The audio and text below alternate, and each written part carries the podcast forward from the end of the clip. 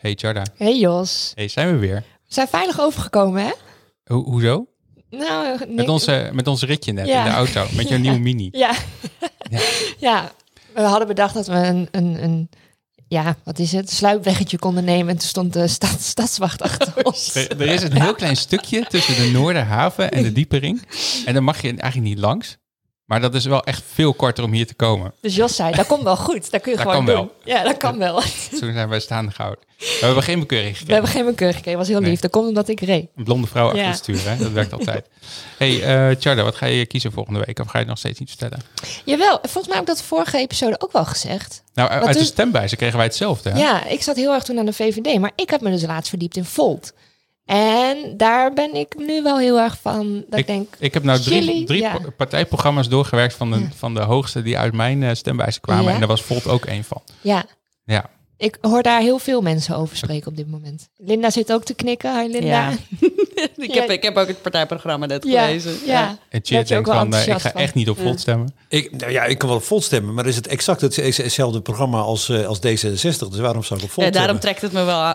trekt het me wel, Ja, denk ik. maar moeten, hebben we meer versplintering nodig dan we al hadden? Wat, is, wat een onzin. Ja, dat weet ik Een beetje niet. vernieuwing en verjonging, denk ik. Ja, maar dat kan wel, maar dat kan ook binnen de bestaande structuren. Je Moet je elke keer wat nieuws doen om, om, om, om, om impact te hebben? Ik geloof het niet. Ik vind Volt wel mooi dat het gewoon inderdaad Europees eh, Ja. is. Dat Ja, vind dat, ik dat wel was het enige wat ik echt... Maar ik dat is zou het anders, ja. onmiddellijk gewoon mergen met D66. Want het heeft Ja, maar dan is het niet meer Europees, hè? Dan moet deze 66 met Volt Dat is gelijk Ja, dat kan ook. Nee, ik- merge gewoon. En merge betekent, betekent, betekent niet wat- dat de ene de andere zijn naam, en de andere de een zijn naam Ja. aangeeft, aanneemt. Maar het, het schuilt wel voor bij elkaar stoppen. Oké, we gaan wel goed van het onderwerp af nu. Ja, maar- Zullen- we gaat gewoon... eh, ook, ja, maar mensen, als mensen gaan stemmen, kunnen ze misschien jou tegenkomen. Mij? Ja, want ik ben, eh, ik ben backup stembureau medewerker, hè? Dus ik weet nog niet waar ik Mhm. Je hebt terecht ook die cursus Ik gevolgd. heb een cursus gedaan en ik heb het gehaald. Ik Ja. heb een certificaatje gekregen. Gefeliciteerd. Ja, dankjewel. Ja. Goed, ik ga op de knop goed. drukken en dan gaan we echt beginnen. ja.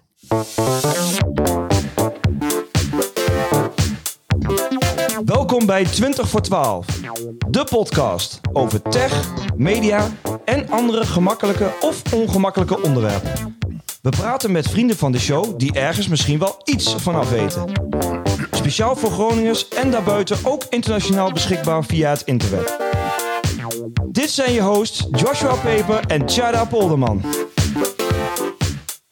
Nou, en deze keer, ik wou week zeggen, maar we doen het twee wekelijks. Ja. Eh, we eh, gaan het hebben over eiwitten. ja, en ook eiwitvouwen. En Dat vind ik wel eiwitvouwen interessant. en de toekomst van eiwitjes.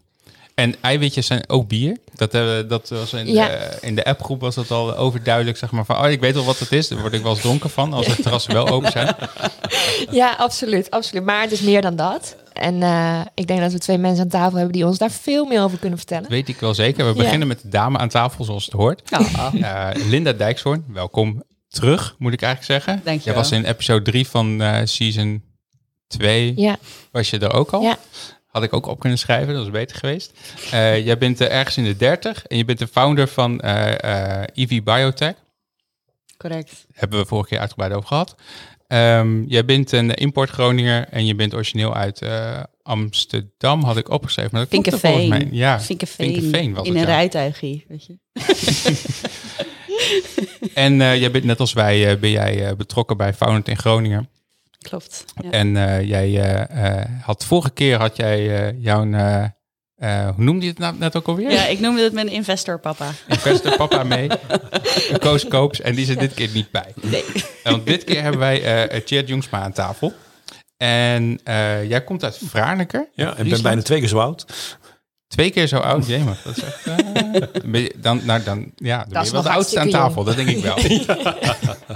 En eh, jij was vroeger de eindbaas van eh, de R&D-afdeling van Friesland Campina.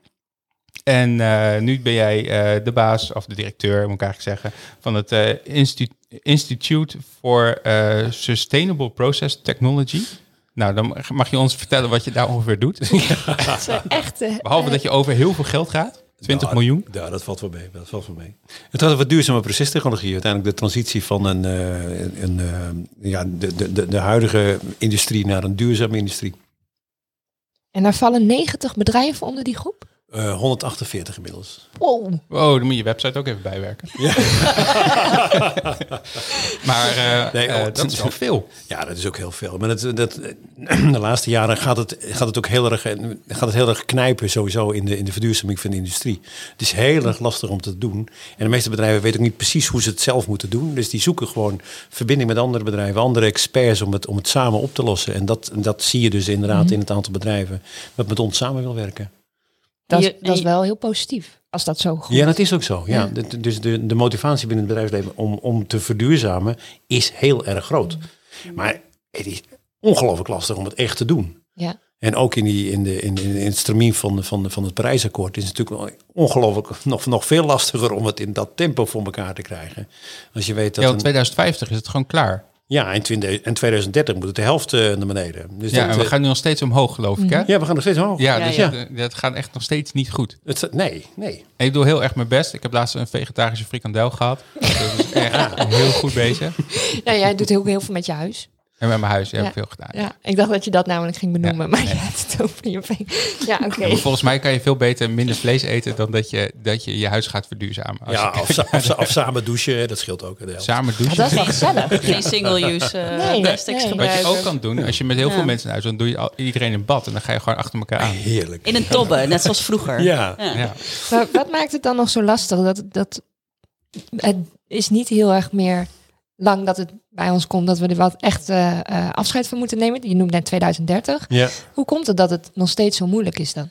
Oh, Waarom het moeilijk is? Ja. Om, om, bedrijven hebben gewoon hun, hun assets staan, zeg maar. De fabrieken die staan er. En die fabrieken moeten, terwijl de winkel open blijft, moeten verbouwd worden. Ja. Ja, En dat betekent gewoon dat je, nou ja, je hebt twee keuzes. Hè. Dus eigenlijk proberen de CO2 uit je fabriek af te vangen en op een of andere manier onder de grond te stoppen, wat dan ook. Ja, dan kun je het nog een tijdje op dezelfde manier laten doordraaien. Maar dat is natuurlijk niet echt een oplossing. Je moet eigenlijk die hele tent gaan verbouwen. ja. En dat, is, en dat is een grote opgave. En dat willen we eigenlijk met duurzame energie doen. Nou, die is er eigenlijk ook nog niet. Hè. Dus je, Nee, want de industrie gebruikt bijna 70% van de energie van Nederland, toch? Nou, dat is, ik denk dat het ongeveer eh 30% is. Maar- Nee, nee, maar met gas erbij. Nee, echt niet. Gewoon, Oh, je, hebt, je hebt vier grote sectoren. Dat is, dat, is- is vervoer, dat is de gebouwde omgeving. Dat is de industrie en wat is de vierde nou? Nou goed, maar in ieder geval, er zijn er vier. Oké. Oké, dus dat valt op zich nog mee. Dus met huizen isoleren komen we ook al een eind aan. Oh ja, ja, ja. Ja. ja, zeker. Dan En- heb je een kwart te pakken. Ehm, eh, even kijken, jij hebt eh, eh, een omzet van 20 miljoen in het instituut zitten. Maar dat Ja. zal waarschijnlijk dan ook wel 50 miljoen zijn. Inmiddels is het 28, ja. Oh ja, oké, is iets meer. Wauw. Het, schaalt, het schaalt niet goed mee. Nee. En ehm, eh, je hebt gestudeerd aan de rug. En eh, dan ben je mee begonnen in 1981 en was je klaar in 1992. Dus net voor de uitzending zeiden we al van vijf jaar bier drinken Ja. en dan eh, nog eh Nee, ja, ik, heb op, ik heb op mijn rug gestudeerd, zo te horen. Dat Ja, is, je hebt daar echt gestudeerd. op mijn rug liggen. Nee, nee ik, heb, ik heb zes jaar over mijn studie gedaan en daarna vier jaar over mijn promotie. Ja, Oh, dus er hoort een PhD eh, nog Ja, tussen. ja, Ja, ja, oké. Ja. staat niet op LinkedIn. Kun je Zo. erbij zetten. Dit zou ik ook bijzetten. Ja, nu denken mensen de hele tijd zoals wij. Ja. Dat je hier eh, een beetje een pretstudie hebt gedaan. dat was het zeker. Nou ja, als Ja, je, het is als je, altijd leuk hier. Ik Gewoon wou net natuurlijk. zeggen, Vroeger ook al volgens mij. Ja, Wel, Ik was er nog niet in 1981 en jij was er eh, net in 1992. Klopt. Dus eh, ja. Goed. Eh, eiwitten. Lekker. Ja, lekker. ja. Eh, ik denk dat dit een hele goede is voor jou, eh, eh, Linda. Ehm, Wat zijn eiwitten? Oh, nou, Even in high level, zeg maar. eiwitten zijn bouwsteentjes van het leven. En het is niet, zeg maar, het, je hebt eiwit van een, van een ei. Mhm. En daar zit het wel in. Maar ehm, eh, het is niet, zeg maar, dat is niet het enige wat het is. Nee, maar je hebt, je hebt eh, verschillende groepen onder de eiwitten. Je hebt functionele eiwitten, dus eiwitten die noemen we dan enzymen. Die kunnen een, een functie uitvoeren, of een omzetting plaatsvinden. Maar je hebt ook andere praktische eiwitten. Noem eens wat voorbeelden. Ja. Maak Ja. het eens wat, wat levendig voor ons. Nou ja, het, ei, het eiwit wat je in, een, in, een ei, in het eiwit van een eitje hebt ja, gewoon mijn zondagochtend ontbijtje. Ja, dat, Nou ja die, eh, die, daar, daar zitten enzymen en gewone eiwitten. Dus je hebt structurele eiwitten die je ergens voor nodig hebben. Dus je hebt bijvoorbeeld, dit vind ik dus een van mijn favoriete eiwitten. Die heet een aquaporine. Een aquaporine is eigenlijk gewoon een soort tunneltje die in eh, de, het membraan van een bacterietje zit. En die laat watermolecuultjes door. Daarom aquaporine. Het is een porietje. Oh, En dat is dus niet een, een eiwit die echt eh, een omzetting maakt. Dus bijvoorbeeld eh alcoholdehydrogenase ook een van mijn favorieten. Dus als ik een biertje drink, Ja. dan gaat alcoholdehydrogenase gaat in mijn lever gaat alcohol omzetten of afbreken eigenlijk. Dus die werkt eigenlijk tegen je. Ja, je kunt het beter niet hebben. Dat Nee, niet, ik ben heel blij dat ik het heb, anders blijf je permanent dronken. Ik moet de volgende dag wel dat, weer die, Jap- werken. dat doen die Japanners dan weer, ja. Ja, die, hebben wat minder effectieve al- alcoholdehydrogenase inderdaad. Of minder expressie, zoals ze dat zeggen. Minder Oké. eh, aanwezig. Maar het hoeveel lichaam. soorten heb je Ja. er even zo grof, grofweg? Soort Of, eh, eiwitten? Weten we dat eigenlijk? Oh mijn god. Eh, nee, dat weten we eigenlijk niet. Nee, dat weet God. Ehm, Als, ja, je, als je denkt dat dat, Dat- zo werkt. dat is een, dat is een andere discussie, denk ik. Ja, dat is, Ja. is zo- vaak niet met wetenschappers voeren. Het is wel Nee. raar, want als ik aan eiwitten denk, ik, ik denk dan altijd aan eten. Is dat heel raar? Nee, Nou ja, het is wel een mooi voedingsstof. Het is een, bou- een bouwsteentje van je lichaam. Ja, want je hebt het nodig. Want iedereen Ja. zegt overal, inclusief op voedingscentrum.nl, staat echt heel duidelijk van, ja, je moet eiwitten binnenkrijgen. van vijf. Maar je hebt het dus Ja. zeg maar, weet ik veel voor soorten. En je kan dus ook de verkeerde dan binnenkrijgen, denk ik. Of, of, of bestaat dat niet? Of hoe... Nee, kijk, als je, als je kijkt naar eh, de eiwitten die je kan consumeren. Ik ben laatst ook een beetje aan het, aan het duiken in diëten en zo. Dan ga je kijken naar je macro's. Weet je, ken je Ja, die term ja. macro's? Nee, ik zeg mij niks. Nou ja, macronutriënten Ja. noemen ze dat. Een eiwit is bijvoorbeeld een macronutriënt, maar ook koolhydraten zijn een macronutriënt. Ja. En ehm, om gezond te leven moet je een bepaald percentage eiwitten binnenkrijgen om je lichaam te onderhouden, spieren op te kunnen bouwen, dat soort dingen. Kun je heel druk mee zijn hoor, met, met zo'n macro... eh, ja, ik ik probeer me er een beetje in te lezen, Ja. maar ik moet vind je zeggen... het nog dat- leuk dan? Of, eh? Ja, tuurlijk. Het Ja. blijft altijd interessant. Oké, gelukkig Ja. maar. En ehm, ehm, de hele aanleiding van deze hele uitzending was eigenlijk dat eh, wij kwamen een eh, blogpost tegen van eh, DeepMind. Dat is Ja. een onderdeel van Google. En die heeft een algoritme ontwikkeld. Nee, dat is niet waar. Die hebben een nogal netwerk ge- ge- getraind. Die op basis van de am- aminozuren die erin zitten, kan voor, voor, voorspellen hoe een eiwit zich opvouwt. Ja, klopt. En we hadden zoiets van, hoezo is dit nuttig? En hoezo ja, wat gaan moet ze... je ermee? Waarom Ja. moet je weten hoe zo'n ding fout? Kan je niet gewoon kijken? En ehm, eh, is, het, eh, is het heel nuttig om van tevoren te kunnen inschatten hoe iets zich fout? Ja, En, en Ja. eh, waarom kunnen we dat niet normaal uitrekenen? Ik denk dat het eerst belangrijk is om te weten, om, om uit te leggen hoe een eiwit in elkaar zit. Ja. Je hebt het inderdaad over aminozuren. Mhm. Niet iedereen weet hoe een eiwit is opgebouwd uit aminozuren. En nou ja, jij en ik weten wel ongeveer hoe dat, hoe dat zit. Ehm, aminozuren kan je eigenlijk zien als kraaltjes. Ja. En je hebt er 22 van, 26. 26 variaties van. Eh, en eh, die kan je op verschillende, en ze bedenken ze dat ze allemaal 26 kleurtjes hebben, die kan je op verschillende manieren, eh, in verschillende volgordes, kan je die op dat strengetje doen. Maar elk van die aminozuren die heeft eigenlijk zijn eigen hoek waar die het liefste in zit. Eh, en de volgorde daarvan ehm, heeft dus te maken met hoe, hoe uiteindelijk, welke, welke bochtjes eh, het eiwitje neemt. Ja, dus hoe die fout Hoe die fout. Ja. Ja. Dus elk, elk aminozuurtje heeft zijn eigen bochtje en dan fout die langzaam. Want als zo'n eiwit eigenlijk ge, getransleerd wordt, zo noemen ze dat, translatie, heb je een stukje mRNA. Dat is ook leuk van de vaccins, weet je, dat zit in die Ja. vaccins. Ja, ja, ja. heb je een stukje mRNA in je lichaam. En eh, dat wordt gekopieerd en dat wordt, wordt vertaald. Dat is eigenlijk een stukje software. Dat wordt Mhm. vertaald naar een eiwitje. En die wordt dus ook gewoon stukje voor stukje overgeschreven. En eh, hoe meer kraaltjes erop komt, hoe langzamer die, hoe verder die opvouwt. Alleen die aminozuren, sommige die kunnen ook interacties met elkaar hebben. Dat noemen ze dan zwavelbruggen of waterstofbruggen. En die hebben allemaal iets te maken met hoe, hoe die vormt, maar ook hoe snel die aminozuren worden eh, getransleerd. Dus hoe, hoe snel de kraaltjes erop worden gezet. En daar is ook nog variatie in. En uiteindelijk heeft vorm bepaald functie. De Ja. vorm van zo'n eiwit heeft heel veel te maken met de functie. Dus als Ja, want je zei bijvoorbeeld... net al met dat tunneltje. Dat is ja, een bepaalde vorm ja, die die moet maken. ja, moet je je voorstellen als het tunneltje zich niet goed vormt... en er zit opeens een prop in... ja, dan kan er geen water meer doorheen... en dan ver, ver- eh, vervolgt die functie niet. Ja. Maar dan kan je ook bijvoor- bijvoorbeeld voorstellen met je alcoholdehydrogenase in je Mhm. lever... die dus mooi de alcohol voor, voor jou afbreekt. ja. Als die niet goed fout, dan kan hij zijn functie niet meer vervullen. Nee, dus dan dan doet hij het gewoon dat niet niet meer. af. Ja. Oké. En het, is handig, met name voor de industrie en de biotechnologische industrie, om te weten hoe dat nou precies werkt. Want wat, wat doen jullie daar dan mee?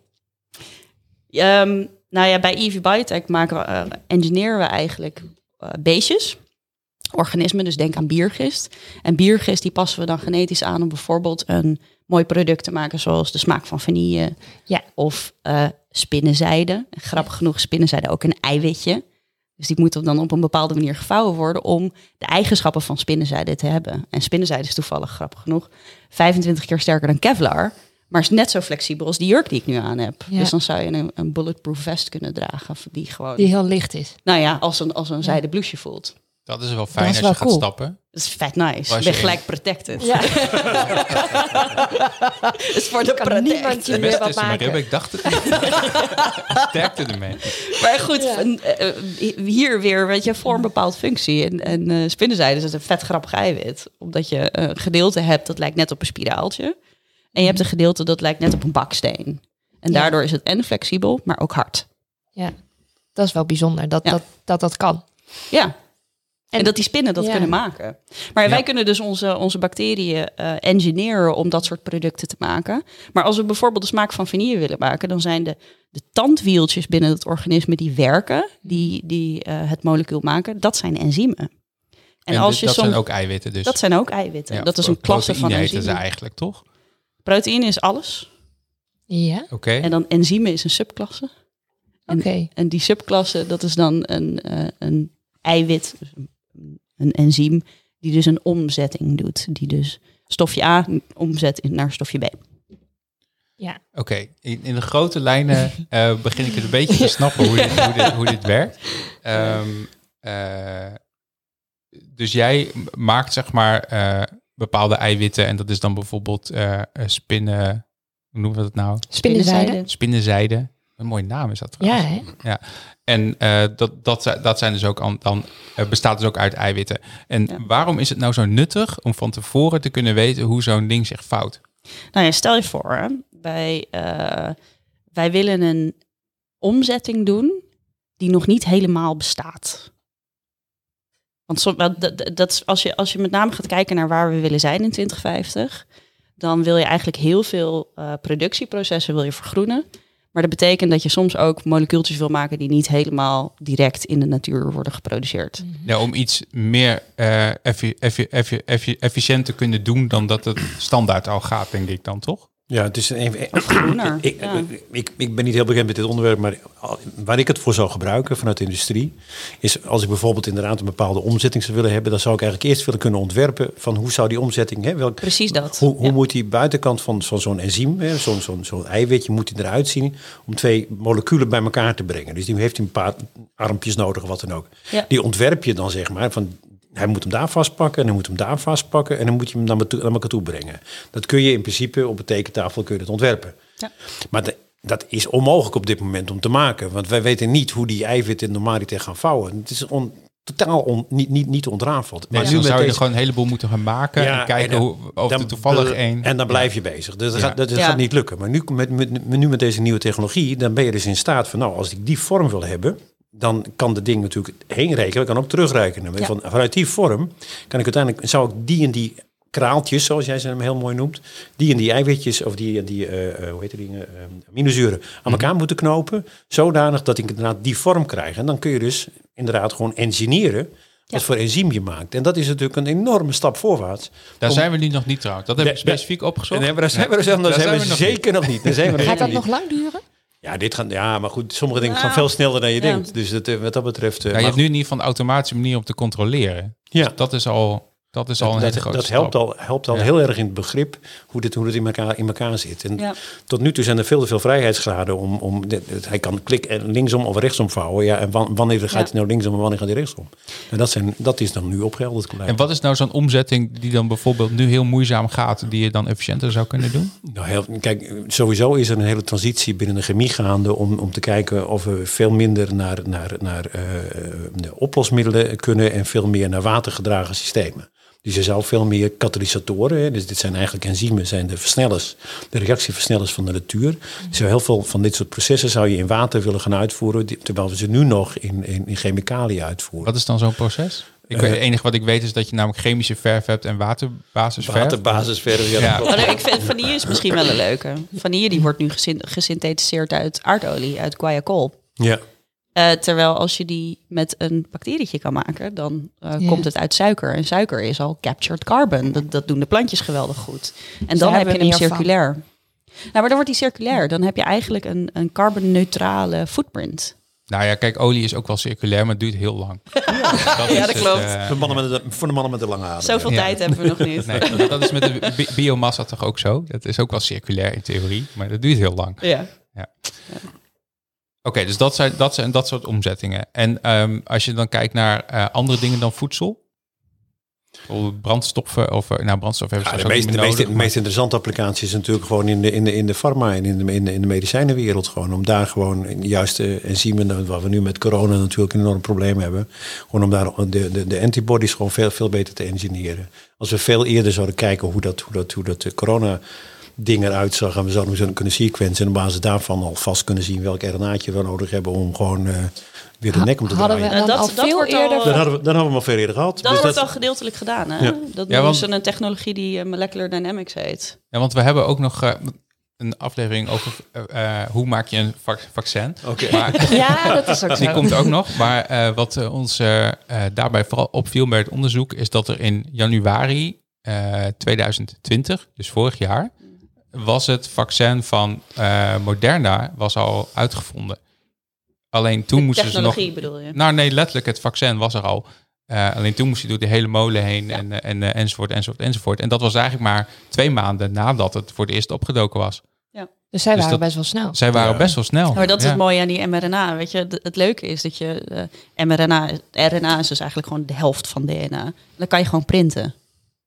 Dat gaat super snel. Dat kan gewoon geprint worden. Dus moet dat je ook is ook hoe ze voorstellen. dat maken, die vaccins, dat printen ze gewoon. Ja, ja, je kan, je kan eh, DNA kan je heel makkelijk synthetiseren. Dat is heel, dat is heel grappig. Je kan ook data in opslaan, zag ik. Daar was Microsoft mee Ja, bezig. ja, ja, ja. Die, die Data zijn, opslaan eh, in DNA? Ja, dat is heel duurzaam. Want eh, dat we, dat Eeuwen later zie je ze er rondlopen. Ja. Ja, je hebt, je hebt Twist, Twist Bioscience is daar veel mee bezig. En die hadden zoiets van, weet je, wat, wat is nou de machine Ja. die we voor altijd, die mensen voor altijd gaan gebruiken? En dat zijn sequencers. Want we willen altijd weten, hoe, hoe zit de genetische make-up van mensen in elkaar? Ja. Eh, dus toen hadden ze zoiets van, nou ja, dan is eigenlijk DNA misschien een hele mooie, heel mooi script om data in op te slaan. Wauw. Omdat die sequencers alleen maar beter en sneller gaan worden. En het is iets wat we de rest van de mensheid gaan gebruiken. Ja, en dat het is he- weg. hele hoge informatiedichtheid. Ja, dus het is heel klein voor heel veel data. Dat Ja. was een groot voordeel. En het eh, breekt van zichzelf niet heel snel af. Als je bijvoorbeeld, eh, eh, wat was ook alweer, als je een, eh, een eh, DVD hebt. weet je, Vroeger had je die dingen nog. eh, van scandiscs. Van die schijfjes. Ja. Ah, dat weet ik nog. van die grote. Ja, of tape of zo, waar je dingen op kan opslaan. Eh, Ja. Dan, dan eh, is dat na een jaar of eh 100, 150 of zo, is het allemaal wel weg. Dan is het helemaal Vergaan. vergaan eigenlijk. En dat is bij D- D- D- DNA dat niet zo. Dus als je iets wil doorgeven over hele lange tijd, of over hele grote afstanden, zoals door de ruimte heen versturen en naar, Mhm. eh, naar andere sterrenstelsels, dan was dat een goede vorm. Ja. Dat, daar ging dat over. Maar we zijn we weer off topic. Ehm, Ah, je DNA is de beginsel van, de, van eiwitten. Dus ik... eh, er ja, dat gewoon heeft er wel een beetje mee te maken. Hoort er wel bij. Ja. En ehm, ehm, eh, hoe zit het dan met... je hebt dus, eh, als je naar eiwitten kijkt, heb je dus dierlijke eiwitten en je hebt eh, plantaardige eiwitten. Zijn die anders of niet? Ja, nee, niet echt. In functionaliteit eh, vaak wel gewoon, omdat het dier toch een beetje anders in elkaar zit. Maar uiteindelijk, het zijn nog steeds die zes- diezelfde 26 aminozuren. Ja. Dus het maakt niet zoveel uit welke van de twee je eet. Nou, dat is niet waar. Kijk, als je Ah. de, de, Jos, je Verhoudingen van aminozuren zijn soms anders. Ja, maar de gouden standaard, inderdaad om, om, om, om Ja. ook gewoon, de, de mens heeft natuurlijk sowieso een heel aantal aminozuren nodig. Een aantal essen- essentiële aminozuren, die heb je, die kun je moeilijk uit planten krijgen. En die kun je ook zelf niet aanmaken. Dus dan wil je uiteindelijk gewoon een, een, een, een, een goede, goede basis voor je voeding hebben. Nou, daar hebben ze dus een paar standaarden in aangelegd. En het ei-eiwit waar je het net over hadden, Ja. Want dat is, en dat is eigenlijk de, de standaard in, het, eh, in, de, in, in wat is de maximale nutritionele waarde die je uit zo'n eh, zo'n eiwit kunt halen. Is dat ook zo dat het, eh, het eiwit een van de best verteerbare en, en, en qua balans in aminozuren... Ik denk dat eerder het eigeel is. Eh, Eigeel, oké. ja, Ja, ja, want ik, lekkerder. ik, ik, Het ik meen me te herinneren dat het inderdaad voor, voor mensen, menselijke consumptie de, de perfecte aminozurenbalans. Ja, had. Ja, maar dat is ook nog, als we even Dus naar- is niet verkeerd. Vet Nee, maar Nee, eieren, eiwit, eiwit is helemaal goed. Ja. eieren heel komen dus uit Ja. kippen. En ehm eh, dus eet heb je wel weer een dier bij nodig. Ja, ja. Dus dat schaalt ook weer slecht. Die kan je niet Qua verti- verticaal eh, kweken en zo, zoals eh, dat je Printen. met planten wel kan. Kan je ook niet. Ja, kan je is niet kip heel printen? Nou, misschien kan je wel kip printen, maar of je een kip, misschien kan, of je of je een kip kan printen die ook een ei kan leggen, dat weet ik niet. Ja, met, met- met een goede DNA-sequentie zou dat moeten kunnen. Ja. Het is even broeden, maar eh, Maar, maar wat is dan beter om te gebruiken? Want- Jos zegt, nou, je hebt dierlijke en plantaardige. En je leest nu ook best wel veel over, nou, we moeten eh, minder vleesconsumptie. We moeten dit minder, dat minder. En dit vervangt dat allemaal. ja. Ik denk is- dat, je, dat, je, dat je meer moet kijken naar wat voor nutriënten heb je als mens nodig. Om Ja, maar er zitten dus zo dingen in vlees mogelijk- blijkbaar die je dus wel nodig hebt, die niet in, in sojabonen zitten. ja, dat is inderdaad waar. Ja. Dus je, hebt, je moet wel, je moet, je, moet behoorlijk eh, strikt en, en goed, als je compleet vegan wilt eten, moet je behoorlijk eh, eh, je, je, je dieet aanpassen om, dat, om echt alle essentiële aminozuren binnen te krijgen. En kan- vitamines zelfs. En dat, en dat kan wel, Ja. maar dat, dat, dat is, niet, ja, dat is nu nog niet eenvoudig. Nee. Dus uiteindelijk gewoon, het is een, een, een, een, ja, een, een, een, een samenspel van, van een klein beetje dierlijk en wat meer plantaardig eiwit. Kan het wel heel goed. Dus dat is eigenlijk ook wel een beetje waar we, waar we naar kijken. Ja, en, het, En overigens- die- dierlijk heb je het dus ook over eieren. Over, over eieren, Ja. over, over melk en andere dingen. Maar het is natuurlijk Vlees, altijd. Het, is, ja. het, is, die- die- altijd, het is altijd interessanter om iets uit een dier te halen te- en het dier te laten leven. En, Ja. en, en, en, en dan, Dat is dan- al wel beter. Ja, dat Daar hoor dan ik de, daar hoor ik de nek- Friesland Campina achtergrond. Nou ja, dit is, kijk, nutritioneel gezien is er natuurlijk, zijn er maar weinig dingen die echt bedoeld zijn om op te eten. En, Mm. en, en dat, dat, zijn, dat zijn melk, eieren en honing. Dat zijn de enige dingen die echt essentieel bedoeld in Maar melk, essentie. maar melk alleen in de, in, de, in de vroege levensfase, toch? Ja, maar dat er- is ook waarom zijn- mensen op een gegeven moment lactose intolerant Ja, raken. Ja, maar, daar maar er is, maar er geen enkele, geen enkele plant die bedoeld is om op te eten. Nou, besjes en zo toch wel. Want dan gaan die vogels dat eten. Ja, maar, die dat, is, maar die eh, zijn dan niet bedoeld om voor de nutrition van degene die, die hem opeet. Die is inderdaad om, om, om zaden te verspreiden. Ja, Ja, dat is ja, een andere, andere biologische functie van het absoluut, maken van fruit. absoluut, ja, absoluut. ja, ja. En inderdaad, de lactose-intolerantie die komt heel snel voor. Dat is de een van de, een van de grappen. Als je nu kijkt naar de, naar de, naar de historie. Ja, eh, echt, echt, en je- dat moet jij ook weten, inderdaad, gewoon van de, van de, de, de, de, de, DNA-historie van de mens. Dan zie je op een gegeven moment gewoon een, eh, een transformatie. Want een- in de westerse mens eh, is op een gegeven moment een, een, DNA-verandering ontstaan, waardoor wij lactose-tolerant werden. Dat Ja. is ongeveer 10, 15.000 jaar geleden gebeurd. Dat is nog helemaal niet zo heel lang geleden. Nee, dat Nee. is helemaal niet zo heel lang geleden. En dat is namelijk het moment geweest waarbij wij eh, huisdieren gingen houden. En toen konden we dus melk gewoon eh, drinken van, van andere dieren. En, dat was het, dat, en, en toen is die shift ontstaan. Want, op, Ja. want, want het is namelijk voor de evolutie heel slecht als, met, als dieren langdurig blij- gez- eh, gezoogd blijven. Die op een gegeven moment weer je jonge dieren laten zogen. En de oudere dieren moeten zelf maar uitzoeken wat er, eh, als een, dat ze een kostje bij elkaar garen. Dus evolutionair is dat, of de, de- de- is, is, is dat gewoon on- on- ongunstig om dan gewoon. eh, en dat is de reden waarom die lactose-intolerantie ontstaan is.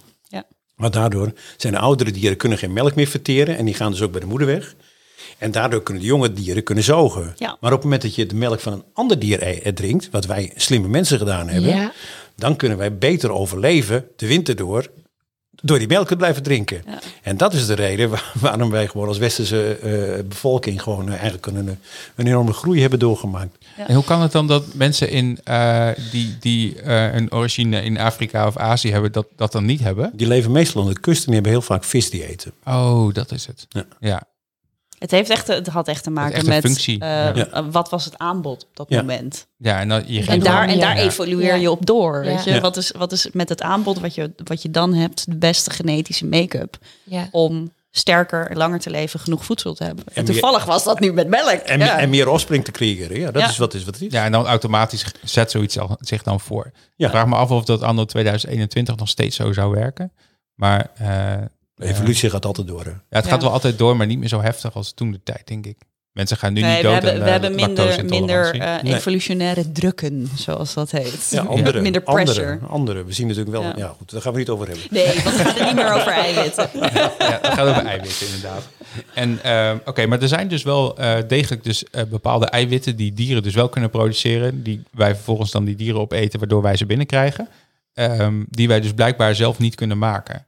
Ja, Eh, het gaat om aminozuren. aminozuren. Dus die kraaltjes, Ja, die- sommige daarvan kan je, kan je wel zelf maken, meest, heel veel daarvan niet. Maar hoe kan het dan dat die dieren dat wel kunnen maken en wij niet?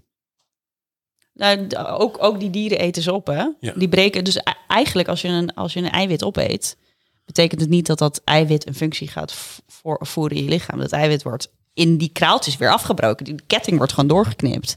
En die kan je weer als bouwsteentjes gebruiken om weer nieuwe dingen te produceren.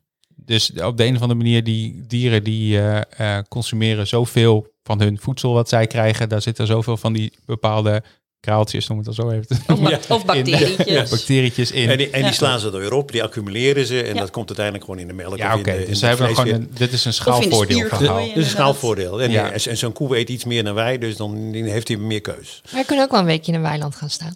Dat is een goed En idee. dan moet je wel hoeveel magen hebben? Wat was het ook weer? Vier. Vier, ja. Ja. nou, dat, dat redden we net niet, maar... Nee, maar het is wel een grappig verschil inderdaad. Gewoon als je naar ons Ja. eigen magdarmkanaal kijkt, dat is vrij kort. Ja. We kunnen niet, zo, we kunnen niet zoveel. Nee. We hebben ook veel kunnen gras eten. Omdat we eigenlijk een apex predator zijn. Hè? Dus je moet eh, de apex predator. Predator. En nou in het Grunnings? Nou, in, het- in het Gronings is het gewoon een roofdier. Dat snap ik wel. Sorry.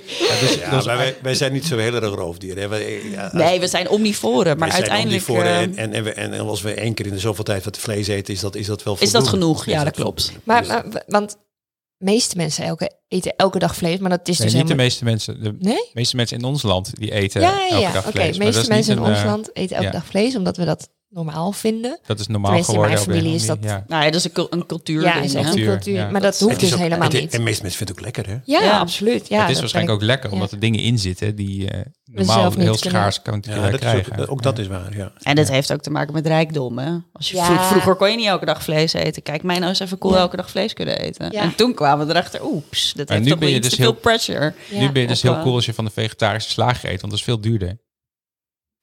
Ja, ja, je betaalt veel meer Ja. Voor je bordje avondeten. duurder. Ja. Maar wel lekker. Van de vegetarische slager. Of gewoon vlees. Ik vind allebei heel lekker. Ik vind alle twee lekker. Ik kook Ja. ook heel vaak zonder vlees. Nou, niet, Wat ja. maak je dan? Oh, eh, eh, curry's, Oh, ja. ja. Oh, dat kan salades. En eet je dan ook van de Pasta. jack, jackfruit en zo?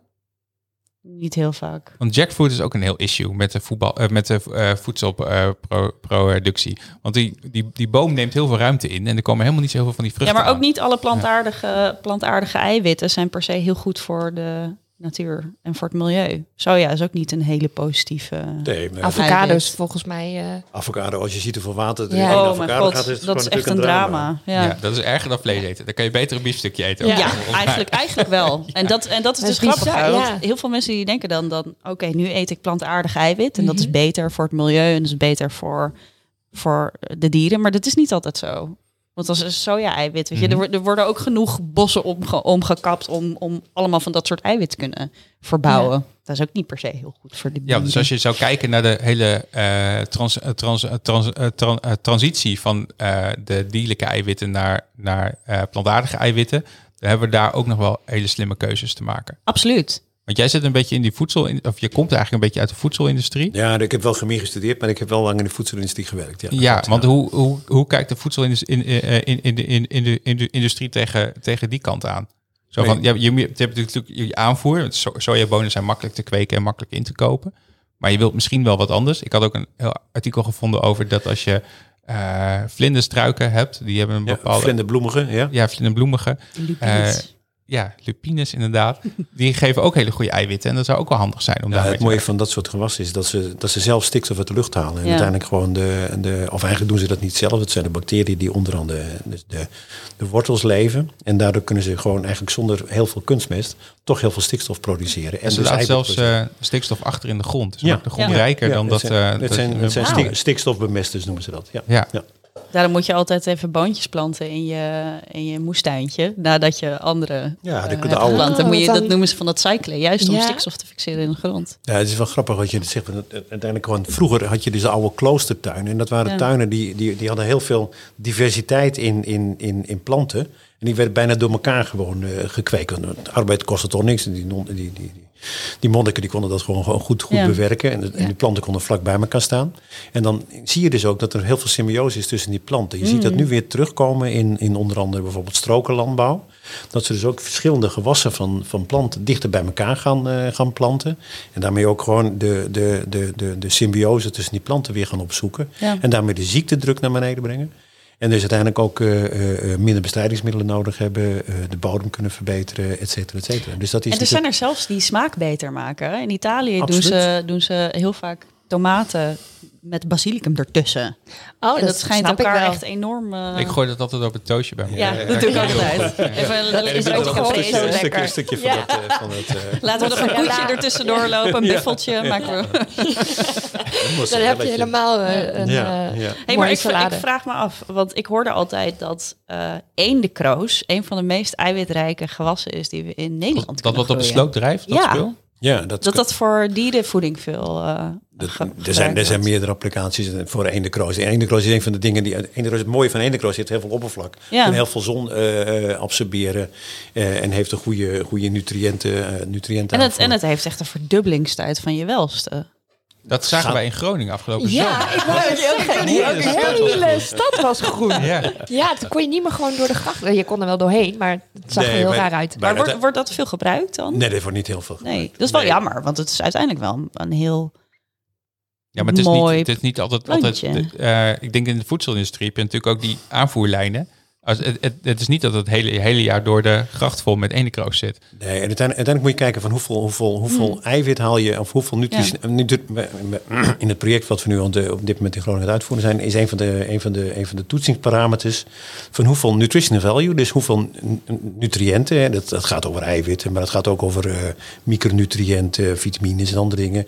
Dus hoeveel micronutriënten, eiwitten en andere dingen halen we per hectare van het land. En ja, de, de eendenkroos is hartstikke leuk eh, en, en, goed, en goed gewas in die zin. hè. Er zit relatief veel eiwit in. Maar als je kijkt naar de, opbrengst per hectare, wat uiteindelijk gewoon dan toch doorslaggevend is voor de economische waarde ook voor de boer. eh, eh, ja, dan komt de eendenkroos er vaak minder goed uit dan een heleboel andere gewassen. Ja. Een van de grappige dingen die je dan ook ziet is wa- waar, waar AVB bijvoorbeeld al vroeger heel veel aardappels kweekte vanwege de zetmeel die ze doen. En echt de laatste korrel zetmeel zou uit die aardappel komen. Ja, waar verdienen ze nu het meeste geld mee? Met de Eiwitten. eiwitten Ja. die in diezelfde knol zitten. Ja. Want het wereldvoedselprobleem, dat zit helemaal niet vast op, op, op de hoeveelheid voedsel die we hebben, maar wel op de kwaliteit van het voedsel. Ja, we, zitten, we moeten dus proberen gewassen te kweken waar veel eiwit in zitten, waar veel nutriënten in zitten, om uiteindelijk de wereld te kunnen voeden. En dat betekent dus een hele andere focus ook dan we tot nu toe gehad hebben. Want dat was alleen maar volume. Ja. En nu moeten we naar kwaliteit en proberen die, eh, die, die nutriënten omhoog te krijgen in die gewassen. Zoals een eh, golden rice oplossing. Of, eh, Whatever, ja. ja. er zijn, er zijn wel weer GMO'tjes, dat is weer een ander topic. Wat maar is dat? Genetisch gemodificeerde Oh, ja, oké. organismen. Ja. Wat, wat, wat wel een issue is, maar ik, we snappen niet helemaal hoe dat komt. Ja. Ja, maar misschien dat we het daar ook nog een keer over kunnen hebben. Maar dat, Dat eh, is een andere een aflevering. heel andere, andere Maar aflevering. jij bent nog lang niet klaar, Linda. Nou, ik vind het je leuk wordt, hoor. je wordt helemaal, helemaal uitgemolken. nou, wat voor, eh, wat voor planten moeten we aan denken dan wat ze dan eh, zouden moeten gaan kweken? Nu, om te eten? Lupine werd al genoemd. Hè? Lupine, dus, dus, ja. dus dat is een van de dingen. Dus de eh, bedrijf als Agrifirm is heel, heel actief bezig om te kijken naar, naar neder soja. Een soja, soja-achtig gewas. Ja. Hier in Nederland. eh, veldbonen zijn heel interessant. Eh, die hebben bij far het grootste eiwitgehalte per hectare. Dus we moeten allemaal weer aan de kapucijners en de ja, en, boontjes. en het is, het is- Krijgen we dan straks ook andere landbouw? Ja, Dat denk ik wel, ja. Ja. Dat denk ik wel. Uiteindelijk, eh, als je ziet nu, hè, er zijn een aantal studies ook geweest in, eh, in eh, oh, eh, ja, door LTO onder andere geïnitieerd. Om te kijken hoe, we, hoe, de, hoe de bodemsamenstelling is. En we zien ook gewoon dat in de, in de bodem, die we, waar we al jaren natuurlijk gewoon gewassen uittrekken, dat die op zich wel gewoon nog steeds produceert, maar een aantal micronutriënten die erin zitten, zoals seleen en zink en, en alle- allerlei mineralen, dat, wordt, dat gaat steeds naar beneden. En dat betekent uiteindelijk ook, als het niet in de bodem zit, dan zit het dus ook niet in je Nee. gewas. En dan Nee. komt het uiteindelijk ook niet bij je, bij je, bij je, bij je eind, eind, eh, eindconsumenten, bij de, bij, bij, bij, bij, bij Bij de mens. Bij de Ja. mens. Ja. Dus we moeten uiteindelijk kijken of we alles wat we van het land halen, daadwerkelijk ook weer erin stoppen. En dus zorgen inderdaad dat die, dat, die, dat, die, dat die cyclus ook inderdaad echt cyclisch wordt. En niet een, een beetje, een beetje, een beetje een, een richting zoals het nu is.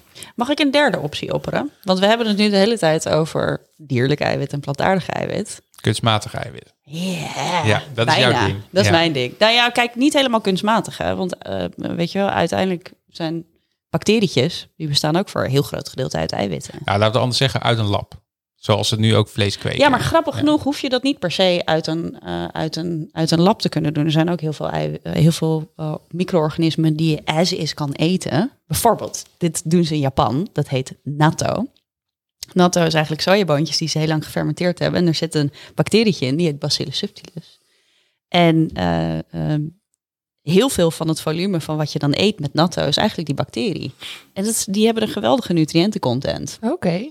Dus, dus het hoeven niet eens kunstmatige eiwitjes te zijn. Want op jullie app zeiden zo ook, oh, bier. Ja. Dat zijn ook micro-organismen eiwitjes. Ja, naar een- eencellige eiwitten. dat. Eencellige eiwitten. Ja, Ja, ja. Dus daar En zijn dat- nou heel veel mogelijkheden nog. Ja, en een van de leukste, de leukste die ik de laatste tijd gehoord heb op dat gebied, hè, want er wordt wel heel veel onderzoek aan gedaan. Ja. Een van de leukste is gewoon dat er eh, bepaalde bacteriën die kunnen op waterstof groeien. En Oh. normaliter moeten ze op suiker groeien. En suiker, jij zei net suiker is prachtig mooi, maar suiker, ik bedoel de efficiëntie van een blad is natuurlijk gewoon niet zo heel erg hoog. Hè. Dat, eh, is ongeveer 2% van het zonlicht. Maar als je gewoon waterstof produceert en je kunt het direct omzetten naar, eh, als, als, als, eh, voedingsstof voor, voor micro-organismen, Ja. dan kun je op een hele efficiënte manier kun je, kun je eencellige eh, eiwitten kweken, eh, of eencellige die, organismen kweken. Ja. En dus eiwitten produceren. Ik heb nog een leuke. De Ik heb aan eentje gewerkt die methaan opeet. Dat kan ook, ja. Methaangas. ja. Dat is een super groot probleem. Moet je voorstellen dat je dan dat beestje... is dat. Ja. Dan heb je, hebben we dus micro-organismen die methaan kunnen opeten. Dat is hun voedingsbron, hun energie en hun Oh, bouwsteentjes. direct doen. Nou ja, dat was dus het, het idee wat ik had voordat ik mijn bedrijfje opzette. Ja. Toen had ik nog meegedaan aan een, aan een grant. En Toen kwam ik redelijk hoog.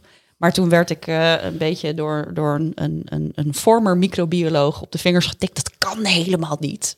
Ja, dat kan. maar dat kan inmiddels wel. Er zijn een hele Het kan wel, Er het zijn kan een hele wel. aantal Jij liep start-ups die voor. dat nu doen. Ja, dus, dus eh, Ja. ik heb inderdaad recent een start-up gezien die met dat idee wat ik vijf jaar geleden had, nu opeens de bühne opgaat. Nou, heb Wel gebeld?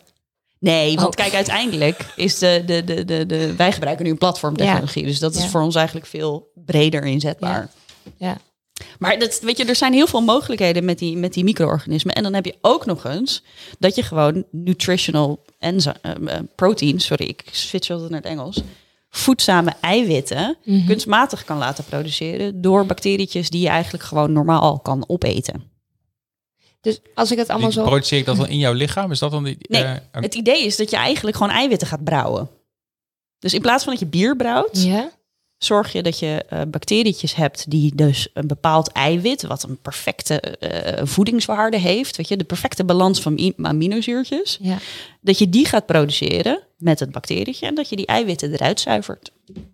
Oh, zo. Ja, en dan eh stop Dus je echt, dat en dan weer krijg je space food, weet je. Dus je kan Ja, het dan als krijg je die toevoeging zakjes doen. poeder en dan los je op in water en dat is dan supergoed voor je. En dan kan je, kan je shakes van maken. Ja, Scheelt weer een boterham. minder bite, hè? Minder bite. Ja. Maar dit is dus bijvoorbeeld ook een van de, een van de technologieën die je met, je, met eh, space aviation, als je echt veel eh, weet je, van, die, van die jarenlange trips wil maken, dan moet je dit soort productiemethoden hebben om kwaliteit eiwit te kunnen produceren voor je crew.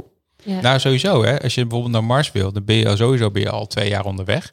Of nee, je bent negen maanden onderweg. Dus dat is al een, al een issue, maar dan ben je daar. En dan heb je natuurlijk eh, geen eten daar. Je kan Nee, dan niet- moet je, kan fa- de- dan moet je heel veel dingen farmen, maar je gaat geen koe meenemen op de... Dat is wel een goed idee. Zo, ziet er vast heel leuk uit. Ja, wat- Zo'n helm. Ja. Het, het, leuke, van- het leuke van die koe Ja. is dat hij precies doet wat jij zegt. ja. ja, dat is wel Want jij, zo. want jij wilt een heel grote installatie bouwen, et cetera, et cetera, om dat gewoon uiteindelijk te produceren. Maar als je kijkt Ja. wat zo'n koe doet, die, die, die, die, Ja. die, die heb je wat laagwa- laagwaardige nutriënten, die stop je erin. Die fermenteert die en die maakt er prachtige producten van, zoals Ja. melk en, eh, Ja, maar en dat kennen wij dus ook met micro-organismen. Die ja, maar, maar fermenteren ik, ook vind, basis. ik vind koe eh, gewoon echt leuker. Ja, hij is wel veel schattiger. En Maar een koe, een Echt koe in, een, in een ruimteschip meenemen, dat is nog wel weer een next level uitdaging. Dat is waar. En misschien ja, niet is zo waar, maar lief dan moet voor je, de koe. Nee. Waarom niet? Maar het heb je wel, dat, ik denk dat het wel goed is voor de mo- moraal op het schip. Ja, ja, maar ik wel. Als je, niet, ook. als je niet lekker voelt, kun je koeien knuffelen en, en micro-organismen knuffelen. Ja, Ja. Is dat nou wel leuk? Weet maar je, in als dat slijmerige zo hoor, dan, dan komt het allemaal wel goed, toch? Ja, technologisch kan er alles. Ja. Dat is, Ja, eh, het dat is, mensen, dat is, mensen dat is, vinden dat is het alleen nog eng. Dat is het een beetje. Is Terwijl dat, het is dat het hele discussiepunt? Nou, mensen eten toch al jaren eh, d- dit. We, we drinken allemaal bier, wat we kunstmatig kweken eigenlijk. We eten allemaal kaas, of nou, een groot deel van onze eh, bevolking eet kaas, kaas. wat ook natuurlijk heel erg kunstmatig in elkaar geëngineerd wordt. Ja, je bedoelt door de, de, de, de, de rennet. God, hoe heet die, dat eh, enzympje? Die kaas maakt. Die Strem, stremsel. Stremsel. Stremsel. Juist, Stremsel, dank je. Ik ja. ken die termen steeds alleen maar in het Engels. Dat zo, ja, dat vind ik wel Zo mooi. international. Onze, onze luisteraars spreken ook wel Engels. Ja, nou ja, dat maar- Ja. het- 60% van mijn personeel die spreekt alleen maar Engels. Dus Ja, dat- Oh ja, ja, het is echt daily ja. business. Dat Ja. is wel mooi. ja, heel internationaal. Maar is dat dan het hele crux ook van eh, dat het, ja, waar, waar blijft het nou hangen? Ja, Is dat, is dat ontwikkeling is, of is, innovatie? staan we een beetje aan de, Nee, ik aan de denk- ik- ik denk dat- ervan? Of? Ik heb het idee dat het, dat het eh, op dit moment blijft hangen op de angst van producenten dat zij ge, gelinst gaan worden door de consumenten, omdat ze dat dan gaan doen. Oké. Dat, dat is het gevoel wat ik krijg. Want volgens mij is de consument zo langzamerhand best wel klaar voor wat meer technologisch Ja. slim eten. Ik Ja. weet het niet hoor. Ik zag laatst nog beelden van een van Forum van Democratie op de Grote Markt. Ik weet niet of dat een groep mensen is die, die daar helemaal voor open staat. Ja, maar ik zeg ook niet dat, dat iedereen er nu klaar voor is. Nee. Maar net zoals met Nee, elke is- nieuwe is- is- technologie heb je de early adopters. ja, ja, ja, die maar die, de weg gaan banen. Ja.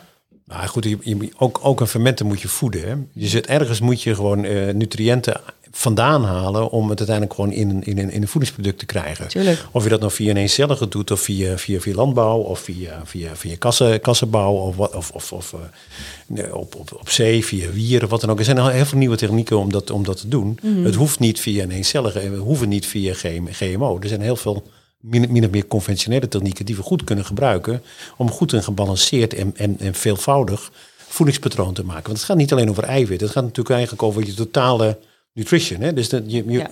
met alleen een, een gefermenteerd, geproduceerd, technisch geproduceerd eiwit kun jij je lichaam niet voeden. Je hebt gewoon micronutriënten nodig. Die, ja, en, en we weten nu al nu nog niet eens wat we allemaal nodig hebben.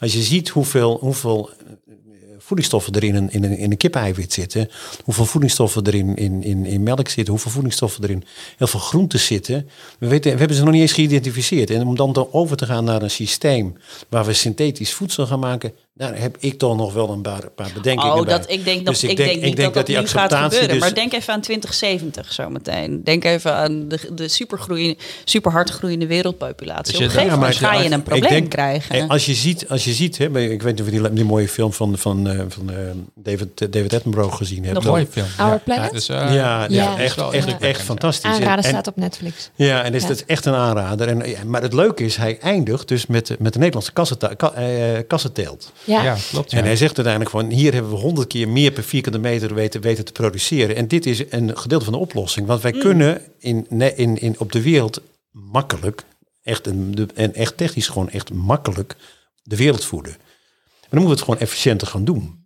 En we moeten het gewoon eh, goed technologisch en, Ja. en, en in harmonie met de natuur gaan doen. Want ik denk, ik geloof eerlijk gezegd niet in echt vuur, eh, zuiver synthetische oplossingen. Ik geloof wel, Nee, nee, nee, ik dat- geloof dat wel, geloof ik geloof wel in niet. interventies die, die, die zorgen dat we het land dan efficiënter gebruiken. Hè? Dus uiteindelijk gewoon de groeilampen die in de, in de kassen hangen. Daar geloof ik echt wel in.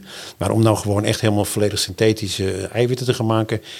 Mogelijkerwijs, maar dan als diervoeder die dan bijgevoerd wordt en daardoor uiteindelijk weer een, een, een Ik denk dat iets, het- iets, iets komt wat, wat voor, dat de, voor mens wel, wel eetbaar is. kan zijn en dan niet en, en misschien niet altijd per se voor de voeding, maar ook voor de farmaceutische industrie. Ja, voor, voor, voor, veel- voor specifieke eiwitten is het heel, heel erg interessant. Ja. En ook voor de, voor de farma is het heel interessant. Maar voor je, voor je normale palet aan, aan voedingsmiddelen die je nodig hebt, denk ik toch van dat we nou ja, ja, toch een klein beetje in. Nee, maar wij, wij, zijn ook- tenslotte dieren, dus, dus, dus we moeten in, onze eigen, in onze eigen omgeving goed kunnen leven. Dat klopt, maar uiteindelijk heb je ook gewoon eh, eh, novel enzymes en eh, et cetera nodig om de chemische industrie groen te kunnen krijgen, zodat je bioconversies kan doen. Ik, ik ben, ik ben groot voorstander van technologische ontwikkeling op dat gebied. Ja. begrijp me goed. Maar Ja. om, om ze zelf te gaan eten en daar mijn voedingspatroon op. Nee, dat doen we alleen als we naar Mars gaan vliegen. En als er niet, geno- als er dat, niet en genoeg dat moeten we dan maar in zijn. 2070 2090 doen. Maar maar als we inderdaad naar Mars willen. Maar ik geloof echt nog toch heel erg in, in nou ja, ik, niet, niet helemaal in slow cooking, maar eh, niet heel ver daar Slow vandaan. food. Slow Ja, food. ja, ja, uiteindelijk gewoon be- in, beter gebalanceerd en, en, en, en, en, en, en, en meer componenten voedsel. Ik ben voor smart protein. Gewoon slim. Ik ben, Ja. ik De ben juiste van, ik ben, ik, combinaties voor de juiste gezondheid. ik ben van de nutrient, ik ben van nutrient density in, in, in levensmiddelen. Ja. Meer nutriënten in, per, per, per calorie. Eh, Want we eten ongelooflijk veel le- lege calorieën. Ja. En de, de meeste dames zijn er ook actief mee bezig. En eh, eh, die, Heren ook wel hoor trouwens. heren ook wel. Ik Jos eet maar- heel veel lege calorieën. Ik eet allemaal leeg. al- Alleen maar. eh, Ze zijn- wij, Ze zijn ook zo- wijpoedershakes. Ze, en- ze zijn ook zo lekker. Ze zijn ook zo lekker. Maar uiteindelijk ondervoeden we ons lichaam de hele tijd. Dus we moeten uiteindelijk gewoon de nutriënten moeten omhoog. En de koolhydraten moeten wat ietsjes naar beneden. Ja. En dan komen we meer in een balans in de voeding. En dat is, dat is denk ik de uitdaging waar we voor staan. Om dat goed te, goed te doen. En dus niet inderdaad gewoon op, op kwantiteit pro- produceren. Maar echt op kwaliteit. En dat, en, dat kan, en dat kan in Nederland. En dat kan absoluut in Groningen. Ja. Sowieso. Waarom hier? Gaat niks Absoluut. boven Groningen. Waarom? Nou, het gaat niks Heel boven. veel. Ja, dat ben ik er met je eens. Nee, we- de, de, de Groningen Landbouw is ongelooflijk goed georganiseerd. Er zitten heel veel grote eh, eh, coöperaties, ook, eh, ook in Groningen. De boeren hebben ongelooflijk efficiënte productiemethodes, ongelooflijk hoog opleidingsniveau. Je kunt hier in Groningen echt absoluut een transitie maken die elders in de wereld niet kan. Dus dat, we kunnen Maar hier echt... Nederland staat toch ook echt bekend om zijn technologische farming. Ja, Dat is waar wij eh, naast onze waterbouw eh, Ja. enorm bekend om staan. We zijn ook de grootste voetbal, eh, nee, eh, voedsel. eh, Soms, sinds sommige jaren ook van de voetbal. daar zijn we de laatste, terug, laatste hoor. jaren. Jaren niet zo, hè? Terug. Maar eh, eh, we zijn ook een van de grootste voetbal. voedsel. eh, Voedselpro- eh, export- exporteren. exporteerders. Ja. En dat vind Ja. ik zo gek. Als je Ja. bijvoorbeeld naar hele grote landen kijkt, die eh, lukt dat niet. En wij doen dat Ja, wel. Ja. dat is ook wel een hele, hele andere discussie. Want we maken zoveel nodig, dierlijk eiwit in Nederland... wat niet in Nederland geconsumeerd wordt. En dat Ja. heeft ook een Dat gigantische footprint. En Ja. daarom mogen wij geen land. 130 meer. Ja. Ja, ja misschien moeten te kort door de bocht. Maar Ja, dat vind, dat vind ik wel, ja. Want ik ben, ik ben, ik ben in mijn, in mijn Friesland Campino-tijd Mm. ben, ik, ben ik wel naar, eh, naar India geweest. En toen ben ik, eh, dat is ook in de Sloppenwijken daar in India we geweest. daar wel 130? Daar mochten ze wel 130, maar dat ging wat minder hard met de, met de, met de mobiele die ze daar hadden. maar je ziet, als je daar in zo'n sloppenwijk rondloopt en je ziet daar kinderen met uiteenbuikjes midden in de Ja. grote stad. Het is natuurlijk Dat gewoon, is dat is hartverscheurend, hartverscheurend. ja. Dat is Ja. hartverscheurend. En wat hebben die mensen nodig? Eiwitten. Ja. Ja. En, en wanneer hebben ze die nodig? Nou, in de vroege levensfase. Want uiteindelijk gewoon, als die kinderen gewoon de eerste drie, vier jaar te weinig eiwitten krijgen, nou ja, dan kun je het verder vergeten. Want dan komt Ja. de TQ sowieso niet meer boven de 80. Dus, dus je moet uiteindelijk ook heel vroeg gewoon zorgen dat er voldoende kindervoeding is. Ja. Dus, dus ja, ik ben het met je eens. We hoeven niet voor de hele wereld te produceren. Maar nee, eh, als wij in Nederland in staat zijn om goede kindervoeding internationaal te exporteren en, daar, en dit soort problemen daarmee op te lossen, vind ik het onze morele plicht om het wel te doen. En er Ja. is veel vraag hè, naar Nederlands geproduceerde Ja, kindervoeding. wij- de kwaliteit is hoog. Ja. eh, is maar, de we zijn, maar ik vind ook, de- hè, wat, wat, wat, wat, wat, wat ook gebeurt is, gewoon, wij moeten ook gewoon de competentie om dat te doen ook exporteren. Ik bedoel, Ja, de- dat, dat is een beetje het punt. Waarom Ja. moet dat allemaal hier vandaan Dat- komen? Kunnen ze nou, omdat- uitleggen hoe ze dat daar moeten maken? Dat kan, maar ik- het probleem is dat, dat koeien een bepaald klimaat nodig hebben. En dat wij toevallig in het goede klimaat leven. Dus de, producent, de, productie, de productie van koeien in Nederland gewoon heel erg hoog is. Ja, anders zou je met die En de- melk en de- daarheen moeten en dat is ook niet ideaal. Maar ook beter het poeder in een kwaliteitscontrole is ook een licht De kwaliteit van. Nederland is heel hoog. Eh, Ja. De hygiëne over de hele keten is heel Ja, hoog. veel regelgeving daarbij. Heel ja. veel Ja. regelgeving. Natuurlijk, ja. Ja. En dat soort dingen kun je exporteren. Dat kan Ja. niemand anders in principe ook. Maar dit is ook de reden toch dat ik eh, maximaal twee van die pakken bij de supermarkt mag kopen tegelijkertijd. Ja, dat was Ja, omdat er heel veel dus gewoon naar Heel het veel. buitenland verstuurd Nou, inmiddels zit de grens met, met China dicht, dus je kunt weer zoveel eh, kopen als je wilt. Oké. Ah, dus Hugo kan wel Ja, hij kan, hij kan zijn spiertjes Ja. weer opbouwen. Ja, dat komt wel weer goed. Ja. Gebruiken mensen babyvoeding om... eh, even Dat te- weet ik niet, maar het zou, zo- het zou zo kunnen. Het zou zo kunnen. Ik denk Als het niet. Ik denk dat shake. het, het, is, denk, het- het is heel duur, hè? Ik oh, je ja. zo'n pak hebt gekocht, maar ik schrik elke keer. Heeft hij dat echt nodig? Ja. Nee, moet toch wel. Ja. Hey, we moeten een beetje afronden. Aha. We zijn alweer eh, bijna een uur verder. En we moeten nog even naar Wilbert's uh, ongeëdit eh, kapitalisme. eh, Mag ik dan nog één vraag stellen die me eigenlijk al de hele aflevering wel Gaat bezighoudt? het over vitaminepillen? Nee, dat is meer over chill. Want wat ik een beetje, eh, misschien waar we iets te snel overheen zijn gegaan. Hoe houdt het bedrijf waar jij eh, op dit moment directeur van bent, hoe houdt zich dat daar dan mee bezig met alles wat we net besproken hebben? Ja, wij, wij organiseren gewoon de, de, de, de kennis op dat gebied. En, Oké, en, wij, en, en de reden waarom de bedrijven, bedrijven aange, aangehaakt zijn, is ja, enerzijds omdat we heel veel werken met kennisinstellingen, maar nog veel meer omdat ze daarmee gewoon samen met hun, hun peers in andere bedrijven de- dit- dit soort problematiek kunnen aanpakken. En want er is, gewoon, ja, er is gewoon echt heel veel kennis nodig. En eh, op het moment dat mensen als bedrijven dat samen kunnen doen, doen ze dat graag. Ja. Maar om bedrijven samen te laten werken, eh, dan heb je of heel veel juristen nodig, of een instituut als het onze, wat gewoon aan zegt van, nou ja, dit is de cirkel in de cent, hier mag je samenwerken. En, dus, dus, en hier, hier gelden dan de regels voor, voor onze manier van samenwerken. En dan stappen ze in die, in die cirkel en dan kunnen ze samen projecten uitvoeren. Onder een redelijk, nou ja, gewoon de paraplu die, eh, die wij dan bieden. Heb je En onze die- tech nog nodig? Ja, ik ja, zeggen, ik vind het sowieso interessant om even Kom door er te praten. Ja, ja. Nou, ja. dankjewel voor de matchmaking, jongens. Alsjeblieft. Zijn we altijd blij mee. Als we dan Daar toch een steentje voor. bij kunnen dragen. Ja, tuurlijk. Nou, dat, ja, dat wilde ik Dat graag was- oké, weten. ja. Ja. Goeie, goeie vraag, Charda. Goed hè? Ik denk, vul je aan. Ja, super. dankjewel. Dan gaan we nu even naar Wilbert luisteren. Oké. En hij is niet geëdit, moest ik Nee, even bij het, zeggen, eh, want geld was op. Ja. Ja. Oké, nou komt-ie. Hoi, ik ben Wilbert. Misschien ken jij het wel. Kapitalisme. Ik denk dat het tijd is voor iets nieuws. En dan zeg jij, ja, maar het is toch mooi dat we waarde op kunnen bouwen? Als je een pand koopt, dan wordt het meer waard. En daar profiteert toch iedereen van? Wat een onzin. Panden, zowel voor mensen die er iets in ondernemen als mensen die er gewoon in wonen, zien als belegging of een manier om van het geld dat je al hebt meer geld te maken, is zonde. Het zorgt namelijk niet voor meer mooie mogelijkheden. Een stad is alleen levendig als er mensen zijn die echt verbonden zijn met die stad. De kleine ondernemers, zoals Stadsbakkerij Meijer. Misschien heb je het wel in het nieuws gezien. Deze bakker stopt ermee omdat het pand dat hij nu huurt gewoonweg niet aan te schaffen is. In vijf jaar steeg de prijs van het pand anderhalf ton. En wat voor zijn ondernemer geldt, geldt natuurlijk voor veel meer mensen die een pand huren. Het pand dat ik zelf huur, zou ik nooit aan kunnen schaffen. Ik vind het niet heel erg, maar soms is het wel jammer dat de waardevermeerdering van het pand niet bij ons allemaal in de zakken terechtkomt, in plaats van bij mijn overigens zeer aimabele huurbaas. Sommige dingen zouden we niet aan geld over moeten laten, zoals de gezondheidszorg en, zoals gezegd, onze leefomgeving. Dus laten we alsjeblieft onze stad losrukken uit de handen van de markt. Laten we samen huisjesmelken worden in plaats van een paar mensen. Voor nu een fijne week gewenst. 2021 is al bijna twee maanden oud en nog steeds is dat verrotte kapitalisme er. Aan de slag. En stem alsjeblieft niet op de VVD of het CDA. Zoals... Ja, maar jij hebt net een nieuwe anarchistische tattoo laten zetten. Of... Oh nee, hier moet even andere dingen. Zo mooi.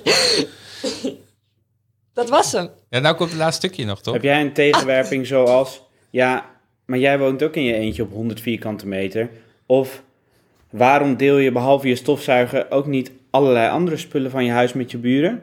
Stuur me dan een bericht op Twitter. Ik heet er @ikwilpret. Nou, mooi. Heel mooi. De woningnood. Ja, Ja. hij heeft al een punt. Hij heeft zeker een punt. Ja, hij heeft altijd al een beetje een punt. In al zijn columns, eh, ja, haakt hij net dat ene aan wat gewoon pijn doet. Ja. Uh, Chit, heb jij een eh, koopwoning? Ja, Linda? Ja. Jarda niet. Nee, Nee. nee. Doet pijn hoor.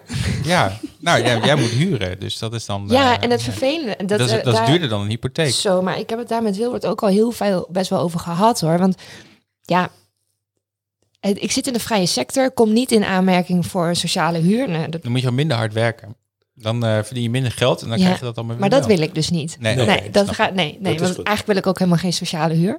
Maar ehm, een huis kopen in je uppie is gewoon niet te doen. Maar komt het omdat je geen hypotheek kan krijgen die hoog genoeg is? Nou ja, eh spaargeld is gewoon een groot probleem. Ja. Ehm, ik denk ook voor heel veel mensen van, van mijn leeftijd. Ik ben, op dit, ik ben nu 28. Ehm, kijk, vroeger... Studieschuld. Ja, dus, leuk. dus die hangt ook nog boven mijn hoofd. Ja, Die ik eventjes heb uitgesteld. Maar goed. dat doen we allemaal. Ja, doen we dat doen we allemaal. allemaal. Ja, nu, de, en dus ja, eh, ik zie mezelf voorlopig eh, dan nog in zo'n vrije sector wonen. En de prijzen gaan maar omhoog. Hè? Ja. Dat is ook een Ja. beetje het ding. Ja. Als je er Ja. tien jaar eerder bij was geweest. Ik, Ja. ben, ik ben ongeveer elf jaar terug begonnen Ja. met mijn eerste koophuisje. En Ja. dan kun je die, die, die stapjes elke Ja, keer je moet, maken. als je eenmaal op de ladder staat van Dan een zit je wel hypotheek, dan, dan gaat het wel. Ja. Maar ik als ondernemer, ik krijg nu voor, voor zijn levensdagen geen hypotheek meer. Nee, want jij Dus moet, ik, heb, eh, ik, heb mijn, ik wist dat dit ging gebeuren, want ik wilde Ja. ondernemen. Dus ik ben Ja. gelijk op het moment dat ik mijn PhD startte, ah, denk ik, oh, het kleinste stukje hypotheek Ja. dat ik kan krijgen. Toen heb ik een, pak ik. een heel schattig huis gekocht Ja. in de Oosterparkwijk hier in Groningen. Oh, ja, dat is leuk. Ja, Ja. echt heel cute. En Het daar woon ik nu nog steeds. En maar je- hoe dat groeit, joh, dat is echt ongelooflijk. Het wordt gewoon een droom om een huis te kunnen kopen. Echt Ja. waar. En dat is echt Ja. heel slecht. Ja. Hoe, heel hoe, zijn, slecht. hoe zijn huizenprijzen daar bij Wageningen in de buurt? Ja, veel te hoog. Ja. Ja, het is hier in eh, Groningen was Groningen is wel- harder gestegen Ja. dan Amsterdam. Ja. Ja. Dus, eh, Maar ja, iedereen die natuurlijk nu niet meer naar kantoor hoeft in Amsterdam, die denkt, nou, dan gaan we in gaan buitengebied wonen. Ja. En ja, Groningen is vrijwel buitengebied. Daarom willen we die spoorlijn ook. Ja, dan, lijn. dan Dan kunnen we wat beter. Ja. eh, juist niet, want dan komen ze allemaal hier naartoe en hebben we dat weer. Nee, nee, dan moeten ze in Drachten gaan wonen, want er woont toch geen kip. nou goed, dan sluiten we daarmee af. Ehm, ik eh, eh, moet nog even wat dingen voorlezen. Eh dankjewel voor het kopen van de merchandise als mensen dat gedaan hebben. Volgens mij niet afgelopen weken. Nee, dat is ook zoiets lulligs. Oké. Dus dankjewel daarvoor. Volg ons op de socials. Dat doen mensen wel heel veel op Ja. Instagram, op Twitter en LinkedIn. Eh Charda heeft vorige keer iets op LinkedIn gezet, dus dan gebeurt dat ook een keer. Ja, toch? Ja, ja. Als je het eh, een leuke aflevering vond of een leuke podcast überhaupt, dan mag je op eh, Apple Podcast vijf sterretjes rating geven. Doet het heel goed. Vind je het niet vijf sterretjes waard, dan vragen we je om geen rating te geven. Dan blijft het gemiddelde op vijf staan. En eh, eh, vergeet je niet te abonneren, het is gratis. En eh, bedankt eh, Tomorrowman voor de locatie en het bier. En eh Found in Groningen voor het openstellen van het netwerk, andere resources en eh, dingen. En eh, de volgende keer, Tjarda. Ik ga zo hard mijn best doen om iets cools neer te zetten. Ja? Ja, maar dan hou ik nog heel even geheim. Oké. Nou, dan eh, sluiten we af.